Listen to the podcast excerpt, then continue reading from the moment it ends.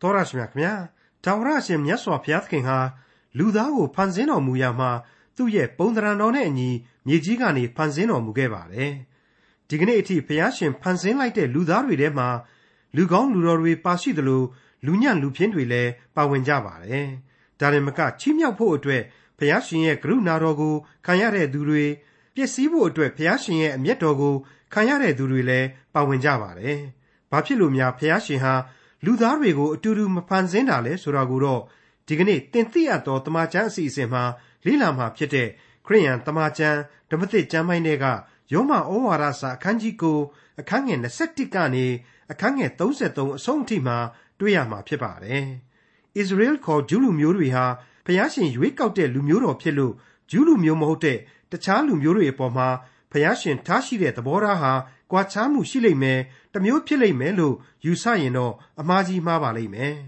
မချစ်သောသူတို့သမီးကိုလည်းအချစ်ဟူ၍ငါခေါ်မည်ဆိုတဲ့ကျမ်းစကားပါဝင်ပြီးထိမိ၍လဲเสียကြောင်းမှားယွင်းเสียကြောင်းဆိုတဲ့စကားလဲပါဝင်တဲ့ယောမဩဝါဒစာအခန်းကြီးကိုအခန်းငယ်27ကနေအခန်းငယ်33အဆုံးအထိကိုဒေါက်တာထွန်းမြတ်ရေးကအခုလိုလေ့လာတင်ပြထားပါတယ်။မှတပါအခြားမရှိဆိုတဲ့ အနန္တတကုရှင်ဘုရားသခင်ရဲ့လက်တော်အောက်မှာဖန်ဆင်းခြင်းခံရပြီးဇာတိအဖြစ်အပြစ်သားဆိုတဲ့လူတော်ဝါတွေဟာဘုရားသခင်ရဲ့မျက်နှာတော်ကိုထောက်ထားပြီးတဲ့နောက်ယုံကြည်ခြင်းအကျင့်နဲ့ကောင်းမြတ်သောမနှောကိုမွေးမြူတတ်တယ်ဆိုတာတွေဟာယောမဩဝါဒစာမှာအစဉ်တစိုက်ကြားလာရတဲ့သင်ခန်းစာတွေပဲဖြစ်ပါတယ်အထူးသဖြင့်ဣသရေလဆိုတဲ့လူမျိုးရဲ့ဘဝနဲ့လူမျိုးတော်အဖြစ်ဒီလူမျိုးကိုရွေးကောက်ခြင်းအကြောင်းရဲ့ရွေးကောက်ခြင်းရဲ့ရည်ရွယ်ချက်တွေရဲ့ကို ကျွန်တော်တို့လေ့လာရင်းနဲ့အနုညာတလူဘဝဆိုတာကိုနားလည်နိုင်လို့ကျွန်တော်နားလည်နိုင်အောင်လို့ကျွန်တော်ဟာစူးစမ်းပန်းစားဖွင့်ဆိုခဲ့ပြီးဖြစ်ပါတယ်ဒီကနေ့ဖို့မှာတော့ယောမဩဝါဒစာရဲ့အခန်းကြီး9အငယ်21ကိုကျွန်တော်တို့ရောက်ရှိလို့လာပါပြီဒီအပိုင်းမှာတမန်တော်ကြီးရှင်ပေါလုဖော်ပြလိုက်တာကတော့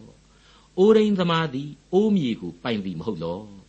အိုးမြေတပုံကြီးနှင့်အိုးမြတ်အိုးရုပ်ကိုလုတ်ပိုင်သည်မဟုတ်လောတဲ့ ဘုရားသခင်အဖို့လူသားဟာမြေမှုန့်ကသာပြုလုပ်ပြီးပေါ်ထွက်လာတယ်ဆိုပြီးတော့ဖန်ဆင်းခြင်းအကြောင်းမှတည်းကကျွန်တော်ဖော်ပြခဲ့ပါတယ်ဒါကဘာဦးကျမ်းမှာဖော်ပြထားတာပါကျွန်တော်ကဖော်ပြတယ်ဆိုလို့ကျွန်တော်ကပဲဇက်လိုက်လုပ်ပြီးတော့ဖော်ပြတယ်လို့လို့ဖြစ်နေမှာဆိုလို့ရှင်းပြရတာပါအခုအပိုင်းမှာကတော့အကယ်၍သာဘုရားသခင်ဟာအိုရင်းသေးကြီးဖြစ်တော်မူမယ်ဆိုရင်ကျွန်တော်ဟာရှွန့်တွေသာဖြစ်လိမ့်မယ်ဆိုတာကိုဥပမာဆောင်ပြီးတော့ဖော်ပြလိုက်ခြင်းဖြစ်ပါတယ်ဓမ္မတီချင်းထဲမှာဆိုရင် အလိုတော်ရှိရာပြုတော်မူပါကိုတော်ရှင်အိုရင်းကျွန်ုပ်အိုးမီဆိုတဲ့တခြင်းတစ်ပုဒ်ရှိပါတယ်အမှန်တော့ဝိညာဉ်စိတ်ဓာတ်မှာမွေးမြူအပ်တဲ့သဘောကိုဖော်ကျူးထားတဲ့တခြင်းသာဖြစ်ပါတယ်အမှန်တကယ်အဲ့ဒီလောက်အထိကိုကိုကိုအလိုတော်ဝန်ခံနိုင်ဖို့ဆိုတာကတော့အလွန်အလွန်ခက်လိမ့်မယ်အငိုလွယ်သလောက်အရှိုက်ခက်လိမ့်မယ်လို့ကျွန်တော်တွေးပါတယ်ဒီတည်ခြင်းကိုဆိုတဲ့အချိန်အခါတိုင်းမှာတော်တော်ကြီးကိုစဉ်းစားတွေးဆဆင်ခြင်ဖို့လေလိုလိမ့်မယ်လို့ကျွန်တော်တွေးမိပါတယ် အခုဆိုရင်ဘုရားသခင်ဟာဒီရှွန့်ကနေပြီးတော့သူဖန်ဆင်းတဲ့လူသားတွေတဲမှာပဲရှွန့်ကနေဖြစ်လာတဲ့လူတွေထဲမှာပဲမကောင်းတဲ့အိုးတွေကောင်းတဲ့အိုးတွေစသဖြင့်အမျိုးမျိုးစိတ်ကြိုက်လုံနိုင်တယ်လုတ်ပိုင်ခွင့်ရှိတယ်ဆိုတာကိုကျွန်တော်တို့ကိုရှင်ပေါလုဟာထပ်ဆင့်ပြီးတော့သွန်သင်ပြလိုက်ပါတယ်ဒါဆိုရင်ဒီအိုးရင်းတွေကြီးဟာဘာကြောင့်မလို့ကောင်းသောအိုးတွေကိုပဲရွေးပြီးမလုတ်တလဲဆိုတာမျိုးဆင်ကဲဆင်ကဲတွေးနိုင်တဲ့မိကွန်းဒီအစီအီပေါ်လာပါတယ် မကြေနပ်တဲ့ဇောရကမိကွန်းဒီပြုတ်နိုင်လာပါတယ်ဒီနေရာမှာဆိုရင်အေသောနဲ့ယာကုပ်ညီအကိုနှစ်ယောက်ထဲကပဲတယောက်ကိုတော့ဘုရားသခင်ကချစ်ပြီးတော့တယောက်ကိုမုန်းနေရတာဘာကြောင့်လဲဆိုတဲ့သဘောတရားအတိုင်းပဲဖြစ်လာတာကိုကျွန်တော်ဒီနေရာမှာပုံခိုင်းပြီးတော့တင်ပြခြင်းပါတယ်ဒီအတွက်အဖြေကတော့သူ့ရဲ့အနန္တတကူအာနာနဲ့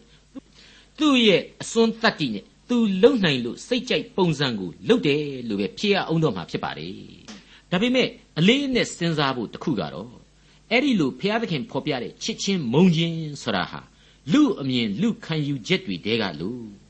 ချစ်လို့ဆိုပြီးတော့လူသားဘာပဲလုပ်လို့ဘုရားသခင်ကငြိမ်ခံနေတဲ့အချစ်မျိုးလား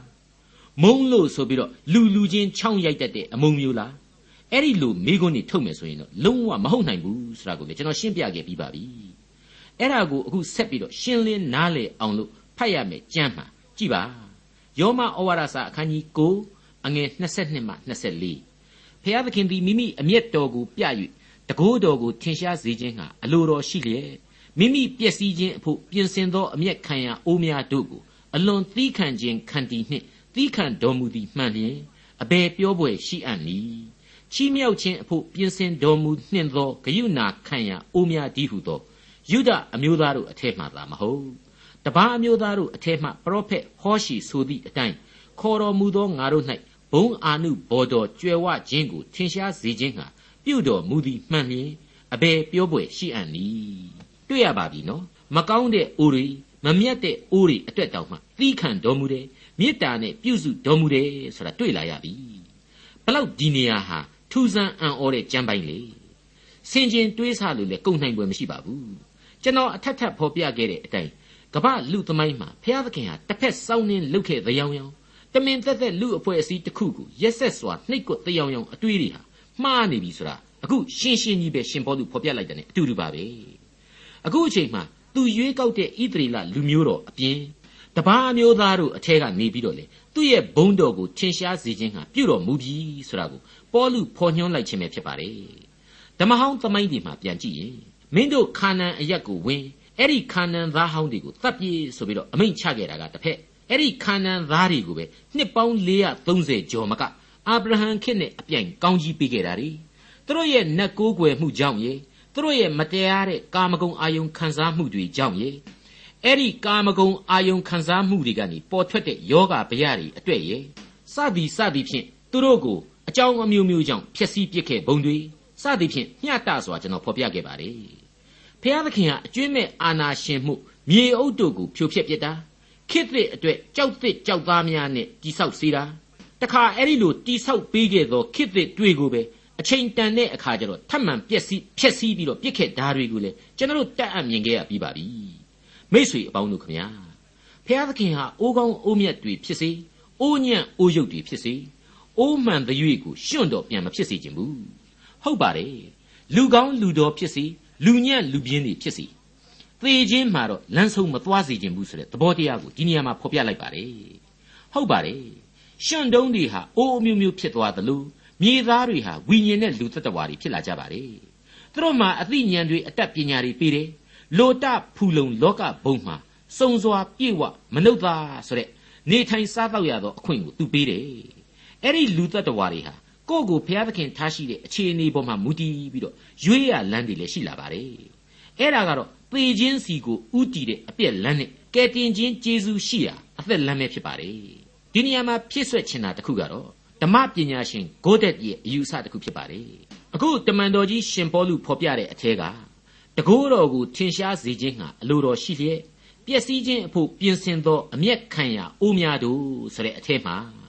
ရွေးကောက်တော်မူသောဣသရေလလူမျိုးတော်ပါဝင်ခဲ့တယ်ဆိုတဲ့အချက်ပါပဲဒီအယူဆကိုကျွန်တော်အကျွင့်မဲ့ထောက်ခံပါတယ် AD 80ခုနှစ်မှာလေယောမဘယင်ကြီးတိုက်တက်ဥဆောင်တဲ့တပ်တော်ကြီးဟာယေရုရှလင်မြို့တော်ကြီးနဲ့တကွဣသရေလကိုမှုန့်မှုန့်ညက်ညက်ခြေမယ်ဆိုတဲ့ဗျာဒိတ်ကိုခရစ်တော်ဟာခရစ်ဝင်ကျမ်းနေတဲ့မှာရှင်းရှင်းလင်းလင်းကြိုတင်ဗျာဒိတ်ပြုခဲ့ရုံမကမြို့တော်ကြီးအတွက်မျက်ရည်တောင်မှကြခဲ့တယ်ဆိုတာကိုကျွန်တော်တို့တွေ့ခဲ့ရလို့ပဲဖြစ်ပါတယ် ဒီတော့အမျက်ခံရအိုးများကနေတဆင့်ဣသရေလတို့ဘဝဟာဂယုဏခံရအိုးများအဖြစ်ပြန်လဲတွေ့မြင်ရတယ်လို့ကျွန်တော်ကဆက်လက်အတိတ်ပဲဖွင့်ဆိုလိုက်ပါရစေမိတ်ဆွေအပေါင်းတို့ခမညာဂျူးလို့ခေါ်တဲ့ယူဒသို့မဟုတ်ဣသရေလဖြစ်စေတပားအမျိုးသားဖြစ်စေအပြစ်သားဟာအပြစ်သားသာဖြစ်ကြတယ်ဆိုတာကိုအကြိမ်ကြိမ်ကျွန်တော်တို့ကြားနာခဲ့ရပြီးပါပြီအခုအချိန်မှာတော့တပားအမျိုးသားတို့ကိုရွေးချယ်တင်မြှောက်ခြင်းဆိုတဲ့အပိုင်းနဲ့ဆက်လက်လေ့လာသွားကြပါအောင်စို့ ယောမအဝါဒစာအခန်းကြီး9အငယ်25နဲ့26ဟောရှေဤကျမ်းစာ၌လာသည်ကားငါဤလူမဟုတ်သောသူကိုငါဤလူဟု၍ငါခေါ်မည်မချစ်သောသူတို့သမီးကိုလည်းအချစ်ဟု၍ငါခေါ်မည်သင်တို့သည်ငါ၏လူမဟုတ်ဟုပြောဆိုရအရ၌နေသောသူတို့သည်အသက်ရှင်တော်မူသောဘုရားသခင်၏သားဟုခေါ်ဝေါ်ခြင်းကိုခံရကြလိမ့်မည်ဟုလာသည်သေသေးချာချာကြီးကိုဆန်းစစ်ရမယ့်အချက်ဖြစ်ပါတယ်ဒီနေရာမှာငါ၏လူမဟုတ်သောသူဆိုတာကို ဟောရှေဆိုတဲ့ပရောဖက်ရဲ့အနာဂတ်ကျမ်းအခန်းကြီး2အငယ်23မှာကျွန်တော်တို့တွေ့ရခြင်းဖြစ်ပါတယ်အဲ့ဒါဟာဣသရေလသို့မဟုတ်ရွေးကောက်တော်မူသောလူမျိုးဟာအပြစ်တွေအလွန်များနေတဲ့လူမျိုးဒါကြောင့်မို့ငါဤလူမဟုတ်ဘူးဆိုပြီးတော့ဖျားသခင်ရဲ့စိတ်တော်နာကြီးမှုကိုတမင်ဖော်ပြလိုက်ခြင်းဖြစ်ပါတယ်ဒါပေမဲ့ငါဟာငါဤလူဆိုပြီးတော့ပြန်လဲအသိမှတ်ပြုမယ်ဆိုတဲ့ဗျာဒိတ်တော်ကိုလည်းတပူးတွဲတဲ့ဖော်ပြထားပြန်ပါတယ် အဲ့ဒီလိုပယ်ရှောင်ရာကနေကဲတင်ခြင်းအကြောင်းနဲ့ပတ်သက်တဲ့အချက်ကိုပဲတမန်တော်ကြီးရှင်ပေတရုရဲ့ဩဝါဒစာပထမစာဆောင်အခန်းကြီး2အငယ်6နဲ့10မှာကျတော့အခုလိုထင်ရှားစွာတွေ့နိုင်မြင်ပါတယ်သင်တို့မူကားမှောင်မိုက်ထဲမှအံ့ဘွယ်သောအလင်းတော်သို့ခေါ်သွင်းတော်မူသောသူဤဂုံကျေးဇူးများကိုဖော်ပြစေခြင်းဟာရွေးချယ်တော်မူသောအမျိုးဖြစ်ကြ၏မင်းစည်းစိမ်ရှိသောယစ်ပရောဟိတ်မျိုးတန့်ရှင်းသောလူမျိုးပိုင်တိုက်သောအပေါင်းအသင်းဖြစ်ကြ၏ အထက်ကအပေါင်းအသင်းမဟုတ်ယခုတွင်ဘုရားသခင်အပေါင်းအသင်းဖြစ်ကြ၏ဂယုဏကျေးဇူးတော်ကိုအထက်ကမခံရတော့လေယခုတွင်ခံရကြ၏ဒီအချက်တွေအကုန်လုံးဟာဘုရားသခင်ရဲ့အပြစ်သားတို့အပေါ်မှာခွင့်လွှတ်တော်မူခြင်းကျေးဇူးကိုအတိအလင်းဖော်ပြလိုက်တယ်နဲ့အတူတူပါပဲခရစ်တော်ကိုယုံကြည်ခြင်းအတွက်ဣသရေလအဖို့သီးသန့်ဖော်ပြတဲ့ကျေးဇူးတော်ဂုံအင်လည်းဖြစ်ပါတယ်ဒါဆိုရင်ဂျူးမဟုတ်တဲ့လူတွေအတွက်ဆက်လက်စဉ်းစားဖို့အကြောင်းပေါ်လာပြီဖြစ်ပါတယ်ဆက်ပြီးကြည့်ကြပါ အငယ်26မှာဖော်ပြလိုက်တဲ့သင်တို့သည်ငါ၏လူမဟုတ်ဟုပြောဆိုရအရ၌နေသောသူတို့ဆိုတာကတော့ဣသရေလတွေကကိုယ့်ကိုယ်ကိုလက်မထောင်ပြီးတော့ကြံတဲ့လူမျိုးတွေကိုတော့ဘုရားသခင်ကပဲမချစ်တရားရောင်ဘာရောင်ရောင်လုပ်နေတာဟာမှားယွင်းတဲ့အတွေးခေါ်တာဖြစ်တယ်အဲ့ဒီတပါးအမျိုးသားအကုန်လုံးဟာလေအသက်ရှင်တော်မူသောဘုရားသခင်၏သားဟုခေါ်ဝေါ်ခြင်းကိုခံရမယ်ရွေးကောက်ကယ်တင်ခြင်းကျေးဇူးကိုမသွေမုတ်ချခံစားရမယ်လို့အတိအလင်းရှင်ပေါလုဖော်ပြလိုက်ခြင်းဖြစ်ပါတယ် တမန်တော်ဝတ္ထုအခန်းကြီး15အငယ်16မှာဖော်ပြခဲ့တဲ့အတိုင်းဆိုရင်လေရှင်းနေပါပြီငါဤနာမဖြင့်သမုတ်သောတပါးအမျိုးသားအပေါင်းကြီးဟုသောကြံကျွင်းသောသူတို့သည်ထာဝရဘုရားကိုရှာခြင်းဟာနောက်မှငါပြန်လာမည်တဲ့ဒါကိုဟောရှိအနာဂတိကျမ်းအခန်းကြီး1အငယ်30မှာလေဘုရားသခင်ဗျာဒိတ်အဖြစ်အခုလိုချမှတ်ထားတာတွေ့နိုင်ပါသေးတယ်သင်တို့သည်ငါဤလူမဟုတ်ဟုပြောဆိုရာအရ၌ပင်လျင်သူတို့သည်အသက်ရှင်တော်မူသောဘုရားသခင်ဤသားဟု ခေါ်ဝေါ်ခြင်းကိုခံရကြလိမ့်မည်ဆိုတဲ့အချက်ပါပဲမိတ်ဆွေအပေါင်းတို့ဤအဲ့ဒီတော့လူလူချင်းဘသူကမှပို့ပြီးတော့တော်တယ်မြတ်တယ်ကြီးမြင့်တယ်ဆိုတာမျိုးကျွန်တော်တို့မတွေ့ရတော့ပါဘူးကျွန်တော်တို့တွေးလဲတွေးလို့မရတော့ပါဘူးမာမာနတွေလည်းထားနေဖို့ထားနေလို့အလကားပါပဲလူမျိုးတစ်မျိုးကိုနောက်တစ်မျိုးကနှိမ်တယ်ဆိုတာမျိုးလေခရစ်တော်မနှိမ်မျိုးပါဘူးအတူတူအနူနူဆိုသလိုအပြစ်သားတွေကြီးပဲလူသားတိုင်းဟာဖြစ်စမြဲပဲဆိုတာကိုရှင်ပေါလုပြင်းထန်စွာသတိပေးလိုက်ပါတယ် တမန်တော်များရဲ့ဝတ္ထုကိုပဲပြန်ပြီးစဉ်းစားကြည့်ပါအာရှတိုက်ကိုမင်းကူမသွားနဲ့ဥရောပတိုက်တောင်ပိုင်းကိုသာသွားစမ်းဆိုတာနဲ့ဥရောပဘက်ကိုသာသာသနာသွားပြုတ်ရပြီးတော့ယောမအင်ပါယာကြီးဟာခရစ်တော်ကိုလက်ခံလာခဲ့ကြတယ်အဲ့ဒီကမှတဆင့်ဥရောပတောင်ပိုင်းနဲ့နှောင်းကာလမှာဥရောပမြောက်ဖက်အရက်တီကိုအခုကာလမှာတော့အလွန်ဖွံ့ဖြိုးပြီးတဲ့အရက်တီပေါ့အဲ့ဒီအရက်တီကိုခရစ်တော်ရဲ့မေတ္တာအလင်းဟာပြန့်နှံ့သွားခဲ့ကြရတယ်အာဖရိကတိုက်မှာဆိုရင်လေအီဂျစ် အီသီယိုးပီးယားတို့ကနေတဆင့်ကယ်တင်ခြင်းအလင်းတန်းဟာဆက်လက်ပြန့်နှံ့တယ်ဥရောပသားများရဲ့သိပ္ပံအတတ်ပညာတိုးတက်မှုပင်လယ်ရေကြောင်းကိုစိုးမိုးမှုကမှတဆင့်အရှိအာရှအပါအဝင်ကဘာတခွင်ဟာခရစ်တော်ကိုသိနာလေလာရခြင်းဖြစ်တယ်ဆိုတာဟာသမိုင်းပညာရှင်တိုင်းတိတိကျကျနားလည်ထားပြီးသားပါမိษွေအပေါင်းတို့ခမညာခရစ်တော်ကိုစောစောစီးစီးလက်ခံခဲ့တဲ့ဥရောပတိုက်အမေရိကတိုက်ကလူတွေမှုလို့ပို့ပြီးမြတ်တယ်လို့များရောင်လို့တောင်မတွေးကြပါနဲ့ ကျွန်တော်မြန်မာနိုင်ငံနဲ့တကွအိန္ဒုမြစ်ဝှမ်းယဉ်ကျေးမှုမြစ်ဝါမြစ်ဝှမ်းယဉ်ကျေးမှုနားမြစ်ဝှမ်းယဉ်ကျေးမှုစသဖြင့်အာရှတိုက်နဲ့အာဖရိကမြောက်ပိုင်းမှာယဉ်ကျေးမှုကြီးတွေအကြီးအကျယ်ထွန်းကားနေတဲ့အချိန်မှာဥရောပဆိုတာဟာဘာရှိသေးလို့လဲအရင်အဆိုင်တွေနဲ့ပင်လယ်ဓမြတွေနဲ့လူရန်ကားတွေသာအများစုဖြစ်ခဲ့ပါတယ်အင်္ဂလန်တို့ပြင်သစ်တို့ဂျာမနီတို့အမေရိကန်တို့ဆိုတာတွေဟာအခြေခံလူနေမှုဘဝမှာတောင်မှအဆင့်မရှိခဲ့ကြသေးဘူးဆိုတာကို သမိုင်းအရာခိုင်ခိုင်လုံလုံကျွန်တော်တင်ပြလိုက်ပါတယ်အဲဒါကြောင့်လည်းပြီးခဲ့တဲ့အခန်းကြီး9အငယ်16မှာလိုချင်တဲ့လူမတတ်နိုင်ပြေးသူလည်းမတတ်နိုင်ကျေးဇူးပြုတော်မူသောဘုရားသခင်သာတတ်နိုင်တော်မူတယ်ဆိုတာကိုပေါလုဟာအခြေချအနှစ်ချုပ်ဖြစ်ကျေးဇူးတော်ချီးမွမ်းထားခဲ့တာပါပဲမိษွေတော်တတ်ရှင်များခမညာငပြောသည်ကိုပဲအခွန်နှွာပြီးတော့မြုံစီမြုံစီစားရင်းနဲ့သူများပြစ်ပေးတဲ့ secret ကလေးတွေကိုအခွန်နှွာစားပြီးတော့ခွိခွိခွိခွိအသံကလွဲလို့ဘာဆိုဘာမှမတတ်နိုင်နဲ့ မြောက်ဖြစ်ရတဲ့အဆင့်ကနေမှလူဖြစ်လာရတယ်လို့တိုးတက်လာရတယ်လို့ကျွန်တော်တို့ကိုကိုကိုထင်ကြပါသလားဒီမိုးဒီလေဒီနေဒီလနဲ့ဒီစัจ java လာအနန္တမှာဘုရားသခင်ကပိုင်သားအုပ်စိုးတဲ့မဟာလူမျိုးအဖြစ်ကျွန်တော်တို့ခံယူကြပါသလားကျွန်တော်ကတော့ရှင်းရှင်းပဲအတွေးအခေါ်အဆင့်လောက်မှသာရှိတဲ့ဒါဝင် theory ကိုအရှင်းမယုံဘူးကို့ဘိုးဘေးဘီဘင်တွေကိုလည်းမြောက်ကနေဆင်းသက်တယ်လို့ကျွန်တော်လုံးဝမတွေးဘူးတနည်းအားဖြင့်တော့ကိုကိုကိုမြောက်မျိုးလို့မသတ်မှတ်နိုင်ဘူး မဟာလူသားစည်းရင်းထဲမှာပဲကျွန်တော်ကတော့နေခြင်းနေအလွန်မြင့်မြတ်တဲ့ယုံကြည်ခြင်းတရားရှိတယ်ဆိုတာကိုပဲကျွန်တော်ခံယူခြင်းနေအခုအငယ်29နဲ့28ကိုဆက်လက်လေ့လာကြည့်ကြပါအောင်စို့ပရောဖက်ဟေရှာယသည်လေဣသရေလအမျိုးကိုရည်မှတ်၍ကြွေးကြော်သည်ကားဣသရေလအမျိုးသားတို့သည်သမုတ်တရားသဲလုံးနှင့်အမျှများတော်လေကျွင်းသောသူတို့သားလျှင်ကဲတင်ခြင်းသို့ရောက်ကြလိမ့်မည်အမှုတော်ကိုတရားသဖြင့်ပြည်စည်းစေခြင်းဟာဆုံးဖြတ်တော်မူမည် ထာဝရဘုရားသည်မြေပေါ်မှဆုံးဖြတ်တော်မူသောအမှုကိုပြုတော်မူလိမ့်မည်ဟုဆိုသည်အခုအပိုင်းကိုရှင်ပေါလုရေးတဲ့နေရာမှာဟေရှာယအနာဂတိကျမ်းအခန်းကြီး30အငယ်20မှ23ကိုပြန်လဲကိုးကားရည်ညွှန်းထားပါတယ်အဲ့ဒီကျမ်းမှာကအခုလိုအကျယ်တွင်တွေ့ရမှာဖြစ်ပါတယ်နားဆင်ကြည့်ကြပါ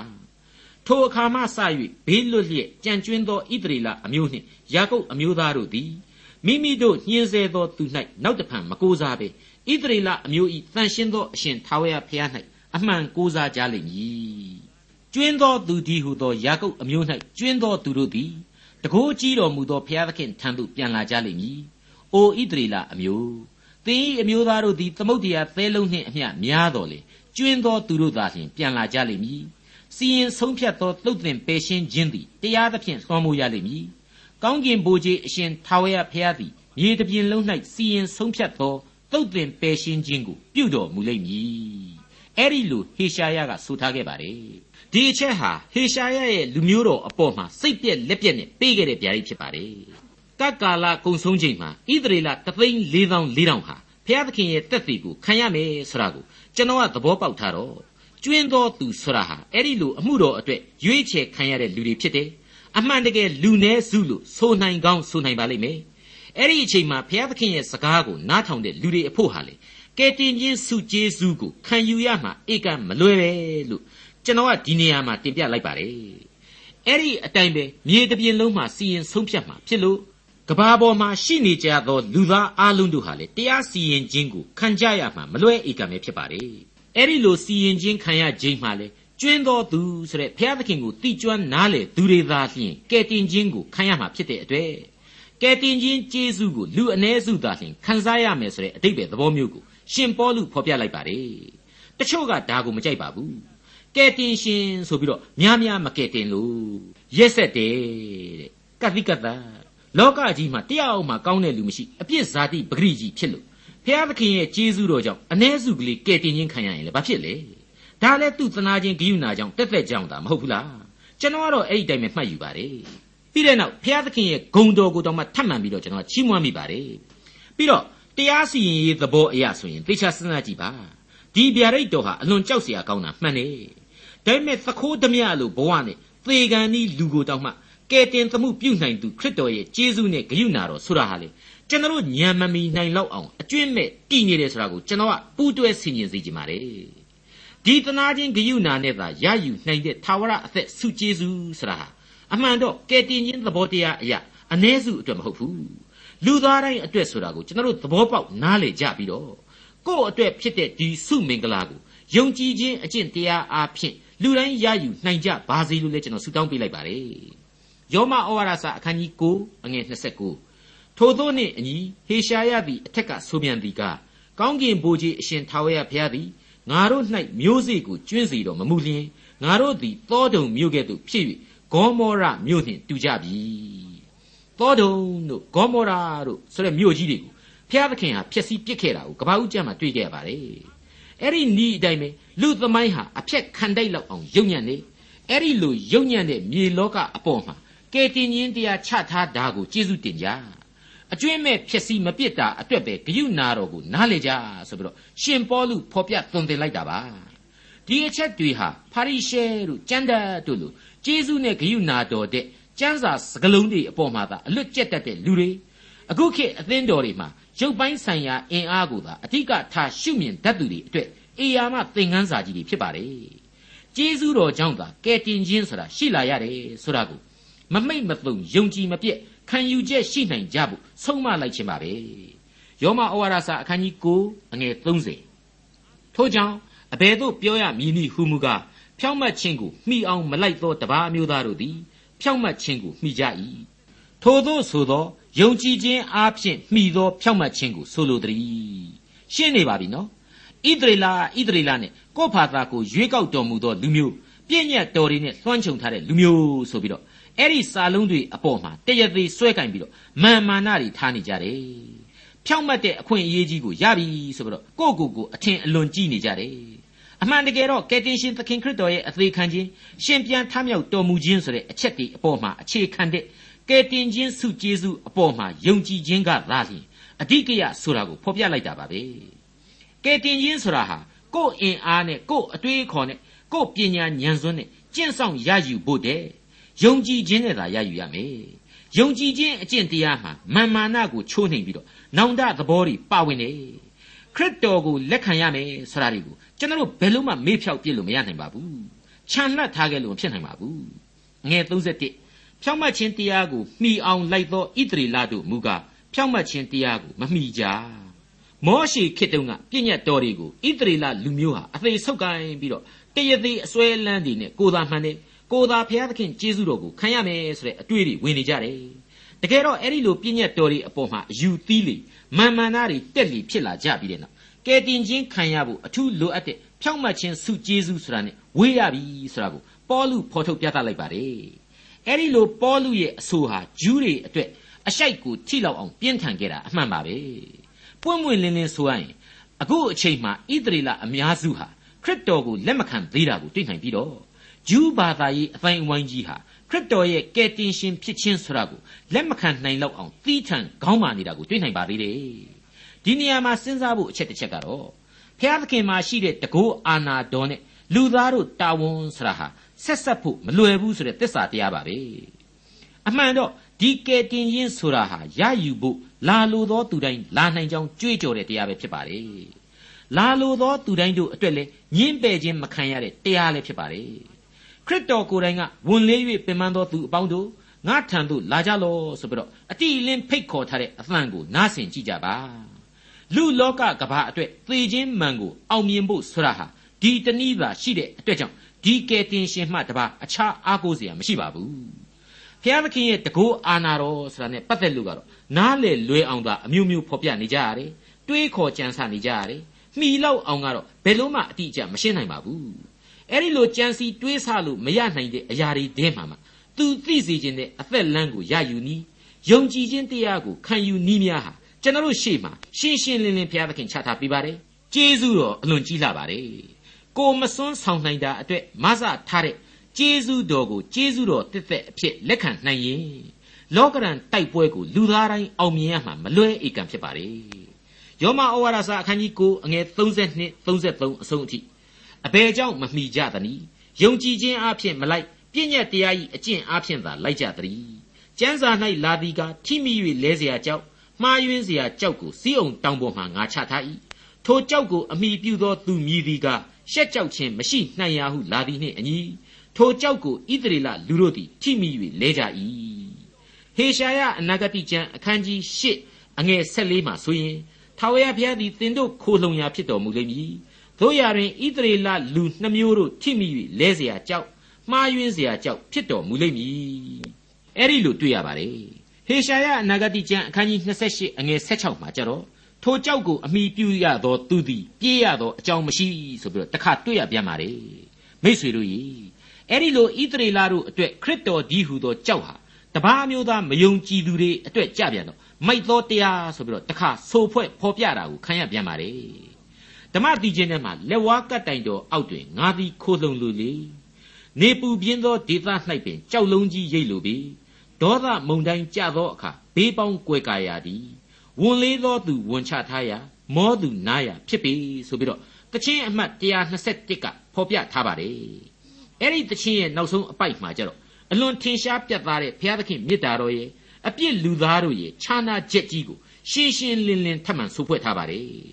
ထိုတိုင်တော်မြတ်အပေါ်တွင်တယံတခါကြည့်တော့ငါတွေ့သေခံသရံတော်ပင်ငါမြင်သည်လို့ထင်ပေါ်ထိုတို့မြင်တိုင်းမျက်ရည်ကျစဉ်အံ့ဘွယ်နှစ်ခုတွေ့သည်အတုမရှိမေတ္တာတော်နှင့်ကျွန်ုပ်ယုံညံ့ခြင်းသည်ဆိုတဲ့အချက်ပါပဲဒီမေတ္တာတော်ဟာဆိုရင်ဣသရေလတပါးအမျိုးသားဖြူသည်မဲသည်ဝါသည်မရွေဇာတိပဂရိအဖြစ်အပြစ်ရှိသောလူသားတိုင်းတို့အတွက်မျောတเสียကြောက်တုံးကြီးတစ်ခုလိုမြဲမြံတယ်လုံခြုံရိတ်ကိုပေးစွန်နိုင်တယ်လို့ အသက်ဆန်းရည်ကိုတသွင်သွင်စီးဆင်းစေတဲ့ကြောက်တုံးကြီးပဲဖြစ်တယ်ဆိုတာကိုကျွန်တော်မှတ်သားကြရင်ဒီအရေးကိုသာတိုးဝင်နိုင်ကြဖို့အာယူဖို့ရန်တိုက်တွန်းအားပေးလိုက်ပါရစေခင်ဗျာဒေါက်တာထွန်းမြတ်ရေးစီစဉ်တင်ဆက်တဲ့တင်ပြရသောတမချန်းအစီအစဉ်ဖြစ်ပါတယ်။နောက်တစ်ချိန်အစီအစဉ်မှာခရိယန်တမချန်းဓမ္မသစ်ကျမ်းပိုင်းတွေကယောမဩဝါဒစာအခန်းကြီး30ကိုလေ့လာမှဖြစ်တဲ့အတွက်စောင့်မျှော်နားဆင်နိုင်ပါတယ်။